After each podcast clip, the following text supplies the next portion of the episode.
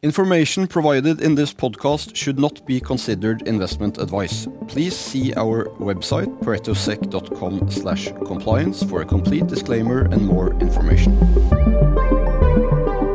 Hi everyone and uh, welcome back to uh, this podcast episode, still live from Pareto's annual E&P conference here in London. Next guest is uh, a household name for many of our listeners, I assume. It's the CEO of Panoro, John Hamilton. John, great to have you here. Thank you, Sebastian. Thank you for having me. You have been at this. Uh, you have been to this conference for many, many years, and you said that your presentation earlier that uh, you actually stood up there presenting with zero in production, and now you have uh, seven 1,700 um, barrels of oil uh, production. You have said that you're going to pay a dividend. You have done a transformative uh, deal with Tullow, which obviously in hindsight has proven to be extremely extremely lucrative for Panoro and and its shareholders. Let's just talk about what has happened over the past two three years, but that because you have been busy. Absolutely, and it's true. Uh, I think the first time Pareto invited me here, I'm not quite sure why they would have invited a company with zero production to attend, but uh, we are open. Nonetheless, you did.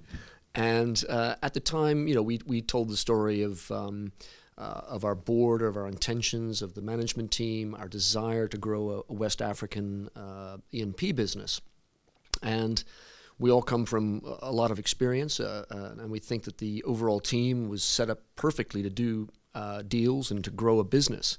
It just didn't happen uh, for a couple of years. We went through a couple of oil price cycles. Uh, we uh, had some company specific issues that needed ironing out from the past. But what I'm very proud of on behalf of the team, the board, uh, the management, all the staff of the company is that, as you say, in the past few years, we've managed to dig ourselves out of this kind of special situation uh, that Panoro found itself in back in 2014 15 to a company now that can hold its head up. Uh, we're going to be producing, uh, hopefully, towards the end of this year, uh, in an excess of 12,500 barrels a day, coming from zero a number of years ago. But even from this year, from 2022, where we produced on average uh, around 7,700 barrels a day, we'll be going up by 50, 60%. So even now, this year, I think we're delivering some, some growth into the company. And you asked the question about what's happened over the past two or three years. What we've managed to do with uh, support of our shareholders, our bankers, um, our lenders, and our equity bankers is to uh, take opportunistic views on acquisitions from companies that were in distress. So we did two deals. One, we bought an asset from OMV, which is the big Austrian company, certainly not in distress, but but maybe strategically in distress. They needed to get rid of an asset. It was no longer the right asset for them. And together with um, the help of the Norwegian market, we ended up buying that asset, which was our first stepping stone. It provided us with production growth, it provided us with real uh, 2P reserves, uh, a foundation, if you will, to, to take it to the next step. These are things that are hard to do overnight in one deal. So we recognize we need to go step by step. And then two years ago, uh, we announced a transaction which Pareto uh, helped us with in an enormous way the acquisition of two assets from Tullow Oil, which has kind of really now put us on the map. It's kind of let us get up that next leg up. For companies like us, and I've been around this uh, E&P business um, for a long time, the public markets for a long time, it's, it's a rule of thumb and it's not necessarily strict, but you really need to try to get to 10,000 barrels a day. Below that, you're still always fighting uh, against against uh, the stream. Once you get over 10,000 barrels a day, which is what we're on the cusp of doing, I think you start opening up all kinds of opportunities. And that Tullow transaction really allowed us to do that and puts us in that position to do that. How did that Tullow transaction come about? I mean, how how it's you know for us it's a great story. I hope, I hope it's not boring for your listeners. But we we sat there in the COVID period, uh, the you know the, the first few months of COVID. What was it? March, April, May wondering what was going to happen with the world. Our share price was low, oil prices were in the 20s. Um, uh, but then by May and June, uh, oil price started creeping up a little bit. And our board, I'll give them uh, 100% of the credit for this, our board, Julien Balkany, our chairman, Torstein Sanness, our deputy chairman, who made a business for Lundin from buying assets at the bottom of a cycle, said, guys, now's the time. If you can find something, oil's only 30 or $40 a barrel, there's distress if you can find, we know you don't have any money, but if you can find a way to get yourself in a position to buy some assets, do it, and we'll try and get the backing in the markets. And it's exactly what happened. So we approached a company that we knew at the time Their, their, their uh, oil prices is helped now, but at the time, Tullow Oil really needed to show the market that they could dispose of some assets. So we knew we had a willing seller. We had a very strong uh, financial backing from some of our biggest shareholders in Norway, who kind of always said to us, "If you find the right deal, we're going to help you. It's got to be the right deal. Uh, don't just come asking us for money for the sake of it. It's, but if you find a good deal, and we, boy, did we find a good deal. So we ended up um, negotiating with Tullow. because obviously, obviously, I mean, this transaction was closed in, in February 21, but obviously you start to negotiate the price and everything. So already at the close of the transaction, it looked like a very, very good transaction. Correct. So we um, we agreed the deal with Tullow in the end in October when oil was about 45, maybe $50 a barrel max. Um, we needed to seek some government approval. So the actual announcement and, and the whole you know, uh, uh, all the announcements didn't come out until February. So in the meantime, oil had crept up, but we'd already signed the sale and purchase agreements based on a much lower oil price. So we were already kind of heroes at $60 oil, let alone when it started getting to 100 and 120. And then people say, well, this is crazy. You've bought an asset for 45 and oil's at least double that. Now, look, we, we, we can't predict the long term uh, nature of the oil price, and obviously the assets are performing well. But it was clearly. Um, in this business, you need to be good, but you need to be a little bit lucky. In this transaction, we got the timing, I think, just right. And we were the very first company that came out of the, the whole shutdown in the equity capital markets for oil and gas companies out of COVID and the low oil price. We were the very first ones to come out.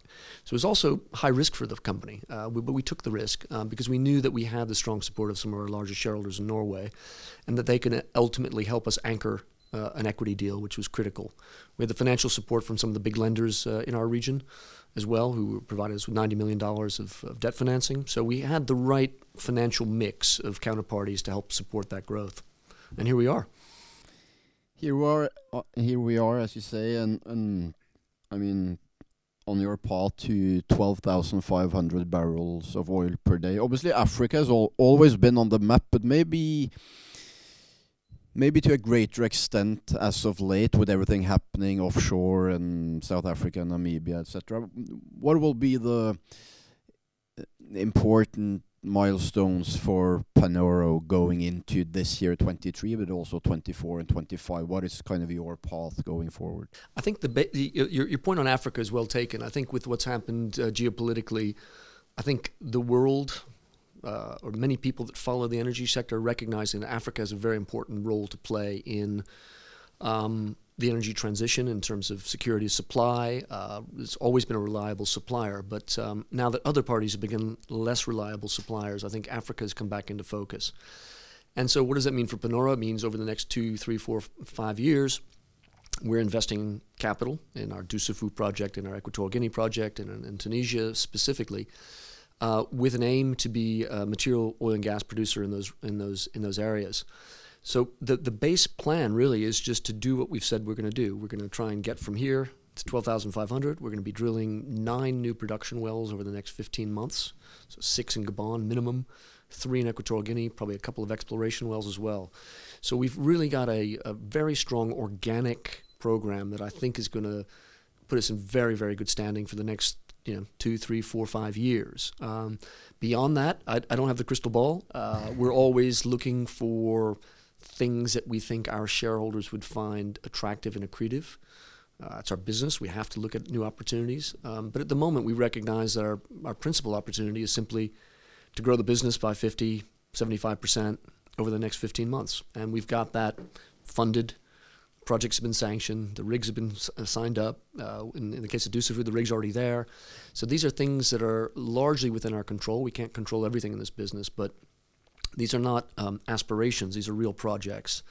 And I think that's our core focus. And, and I think that that's what uh, the board will be judging me on, and I think it's what the markets will be judging Panoro on. Is you know is is is that going to unfold more or less as as expected? And I, I fully anticipate that it will. And that's a very good position to be in. It means we're not strategically challenged to try to bend over backwards or do a somersault to do something cute um, uh, strategically. Um, we just need to stick to our knitting, uh, get that done, start showing that that cash flow is coming and that cash flow is being distributed back to shareholders. You touched on it in your introduction.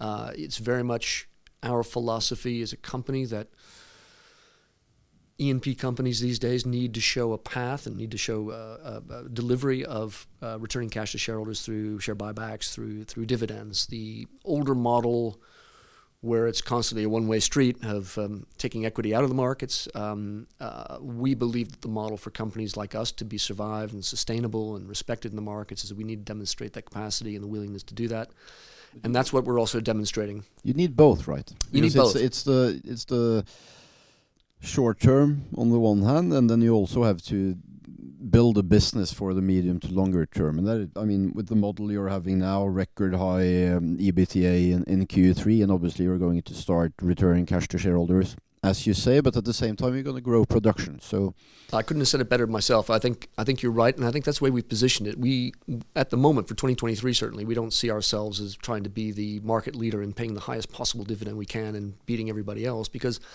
a lot of those companies are in different places in their growth uh, or strategically. Um, we are still uh, in, in a growth phase as we speak right now, but we're also a growing company, and we recognize that the attractiveness for oil companies, small, small mid cap oil companies like us, uh, there's still excitement in the equity markets that we're going to do something new. We're going to drill an exciting well somewhere. We're going to find something nobody else found, and that's going to have a materiality to it that the big guys can't can't possibly deliver. So we're always on the lookout, and you're right. I think I, think the uh, the best balance, if you can strike it, um, uh, is is to return cash to shareholders, but keep that growth trajectory. Um, it's very important. Um, we often touch uh, into obviously Gabon and, and EQ, but let's talk. You mentioned Tunisia in, in your presentation, which is an important field for Tunisia, the one you're operating. Tell the listeners a bit about the operation. Sure, we bought, we bought the asset a few years ago from OMV. Um, it's our smallest production asset, but um, what what is interesting about it is through the work that we've done since buying it from OMV, it is now uh, producing probably 30% more oil than it was at that time. And just by the nature of what's happened in the country, um, other operators in the country include uh, Shell up until recently, uh, Perenco. You know, there's some some biggish companies and there's some private equity backed groups as well. OMV are in country, but this asset that we bought is the largest single cluster of um, uh, oil fields in one concession, if we can put it that way, um, in the entire country. And so we've found ourselves in a position where you know, we're absolutely critical in the country. Um, we're working very closely together with the state uh, oil company and together with the regulator and the ministry to make sure that that business is um, is sustainable. So we're constantly uh, investing small amounts of capital, but lots of intellectual capital in terms of how to extend the field lives out here on these important fields. It's absolutely critical for us, for Panoro, uh, as, a, as a stakeholder in the asset, but it's absolutely critical for the country of Tunisia as well. And we're quite proud of that actually, because even though the numbers may not seem that big, and obviously Dussafu, Gabon, and Equatorial Guinea are bigger assets for us in the context of Panoro. It's our smallest asset, Tunisia, but it still is a very important one, and it's one in which we have a operating role as well. So we we have a we're able to uh, influence a lot of the big decisions that are made um, subsurface, for instance, uh, and operationally. So it's something we're quite proud of, and, and we're you know very happy to be involved in Tunisia, and, and the investment profile we have in the country is, is very high. Big year for obviously a big year in 22 for Panoro, and big big year in 21, big year in 2020, 23. What uh what is on the plate in 2023 for Panoro? Well, what I can say is, and it depends on, on your listeners' appetite for risk, but what I can say is we will not be drilling any exploration wells this year. so that's the good news, the bad news, depending on how you look at it. Um, and I think that that's fine with us. I think, you know, I think we've found ourselves in a position where w- we think we've got a, a very transparent story. Uh, we've laid out exactly what we think is going to happen during the course of the year and where where the risks are and where the opportunities are in that in, the, in that in that way. And I think again that's the way we'll be judged is you know will will we be able to do um, what we've set out to do. Um, so I think there's there's almost nothing that I can think of that's kind of a sneaky surprise uh, for 2023 that's gonna, gonna you know shock people. Um, I, I, think really this is a is a, is a year of um, delivery and dare I say it um, a, a, little bit of um, calmness as well. I, I don't think we have you know big single one-off events in the company like we did last year uh, and the year before, and certainly in the years before that, where um, the dynamic changes very very quickly. I think right now we're oil price growth, Um, we're bullish on oil. Uh, not all your listeners may be. Uh, they have to take their own view on that, but we're bullish oil, and we're we can see that we've got production growth. Those two things uh, are the recipe. And uh, w- wouldn't you say that as the CEO of okay, it's a three hundred fifty dollar market cap company, so it, it's not that small anymore, but isn't it good going into a year where you just have to deliver on sort of the strategy you have you have put out to to all the shareholders and prospective shareholders? Because obviously, as you say, in many of these smaller E&P companies, you, you tend to have this one big event which everybody's waiting for, and now you really, given where your share price, etc., or you you just have to to deliver on what you on the strategy you have? Yeah, it's it's it's a it's a great feeling. I mean, in, in the previous years, you know, the first few years in Panoro when I was there, and, and, and, the current board and the management team, we had a lot of cleanup to do. We had to sell assets. We uh, we had some some legacy issues that need to be dealt with, and so that was the focus. Um, again, I sometimes use the term that you were sort of a sort of a, a special situation company almost, cleaning up things, cleaning up things from the past then once we'd done that, the the importance was to do deals, transactions, deals. Uh, we've done those now, um, and now, as you say, this is almost a unique year for us, where now it's it's not about those things anymore. It's now about seeing that come to fruition. Let's hope, uh, and I, I, think we will. Um, who knows what 24 holds uh, later in 23? Uh, none of us have the crystal ball, but you know we can at least uh, for the large part of our business is going to be driven by that production growth and what happens to the oil price. Uh, we're unhedged as a company, so uh, you know we have a full exposure to our shareholders and to ourselves to to the oil price. We may do some strategic. How is the strategy on the hedging? I, I wanted to touch upon that. Uh. Well, the way we look at it is. Um, there, there, are two dynamics there. Usually, when you talk to an equity investor, they say, We don't want you to hedge because we could do that elsewhere in our portfolio. We'd rather have the, the raw exposure. That's one of the reasons we're investing in New Panoro. Uh, then there's the other side of it, which is the governance of the company and making sure that uh, we can pay our bills and that uh, cash flow comes at the right times and in the right amounts. So we have to kind of keep those two things in balance. And the way that we view that this year is that we will probably try to uh, tactically hedge in and around our oil price, our oil lifting. So that's the time that we're price exposed. Like today, I'm not exposed to the price. My share price may move up and down depending on the oil price and the sentiment in the market, but I'm not selling oil today but I will be selling oil soon, and it's in the period that you actually sell it. Uh, so the oil gets loaded off the tanker. Uh, so from the FPSO onto the tanker, that's my moment of exposure. And you can get caught out badly, or you can get lucky on the upside that suddenly oil spikes just when, when you're doing that. So if we can take away some of the drama by targeting um, the liftings that we're doing and try and tactically hedge, not everything, but a sensible amount, 20, 30, 40% of that lifting, probably through costless collars, so we don't give away all the upside. Uh, that we we just protect some downside because for us, this year is, is a heavy capital expenditure year. Um, you know, we've guided the market 65, 70 million dollars of, uh, of capex this year. We just want to make sure that we get through that year and see that production growth. And then once that production's there, then then free cash just comes uh, comes pouring out. Obviously, if um, if oil prices stay decent. It seems like you have been able over the past couple of years. Obviously, you had a couple of transformative years where a lot happened in the company, but it seems like you you have been able to communicate a strategy which the market has picked up upon. Is, is that your feeling when you're meeting with investors at this conference and, and elsewhere as well? I'd like to think so. I mean, uh, uh, yeah, I'm sure some some people have other things to say about us, but I think one thing that we've tried to do is um, is is be honest and straight. Um, you've only got one reputation in life. Um, I like to go to Norway and have people say hi to me nicely. Uh, uh, and and not uh, not not scowl at me. Um, and I've been you know in and out of Norway for seven eight years now, and I think at a, at a time it takes time, but I think you develop a, a trust. Doesn't mean I'm always going to be right, and doesn't mean I'm you know we're not going to make mistakes along the way. But at least if you're transparent and honest about it, um, I think that people give you credit for that over time. Maybe, maybe not a fund who's sitting there trying to do intraday trading or something like that, but generally being right and hundred percent trustworthy are not necessarily the same thing. Correct, and and so we've very much tried to do that. I mean, you know, we've undoubtedly, like any company, we'll have moments where we disappoint the market a little bit on something. Uh, hopefully, not a lot of bit, but but we've at least I think been clear on risks and and very clear on our strategy, as you say And what we also try and do through our uh, presentation material and our communications is to try to show the roadmap. So you'll find our presentations are really trying to show you cash flow waterfalls. We're trying to be as extremely transparent as possible in terms of the way the cash moves around uh, in the business.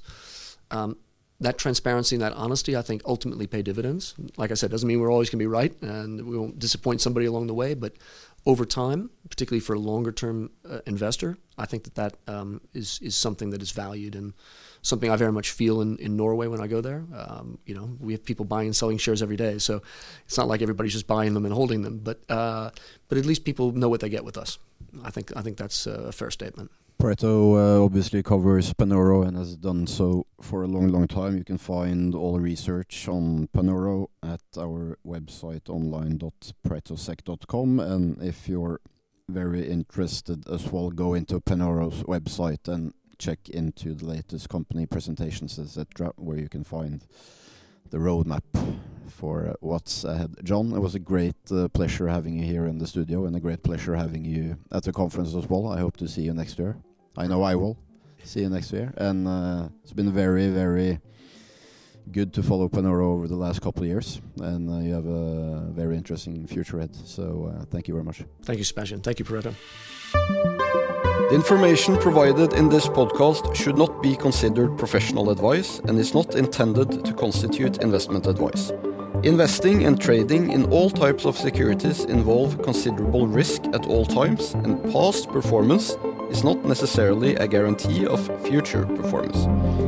Pareto Securities does not accept any form of liability, neither legally nor financially, for any direct or indirect loss or expenses that may arise from the use of information provided in this podcast. Please see our website paretosec.com/compliance for more information and full disclaimer.